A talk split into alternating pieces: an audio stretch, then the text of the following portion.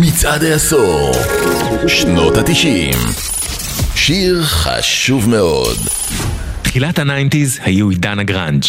Nirvana ו Pearl Jam היו הירדנה והעופרה של הז'אנר, ולצידן כיכבו להקות כמו Soundgarden, Mudhoney, Stone Temple Pilots ועוד. אבל אחד ההמנונים הכי גדולים של התקופה הגיע דווקא מהרכב בשם Alice in Chains. Would יצא ב-92 והופיע באלבומה השני של אליס, Dirt.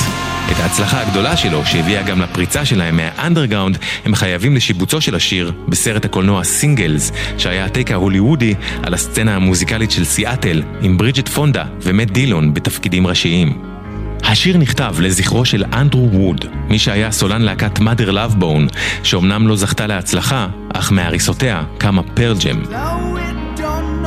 והשיר, כמו הסרט שבפסקול שלו הוא מופיע, הוא המקום שבו נפגשו הכאב, התסכול והמוות התדיר שליוו את גיבורי הגראנג' עם הכוחות שהפכו את הז'אנר לתנועה גלובלית שמרוויחה הרבה מאוד כסף.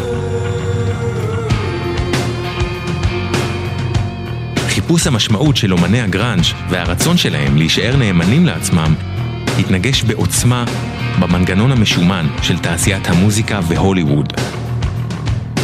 ואולי פה גם התחילה ההידרדרות שהביאה למותו של אחד, קורט קוביין.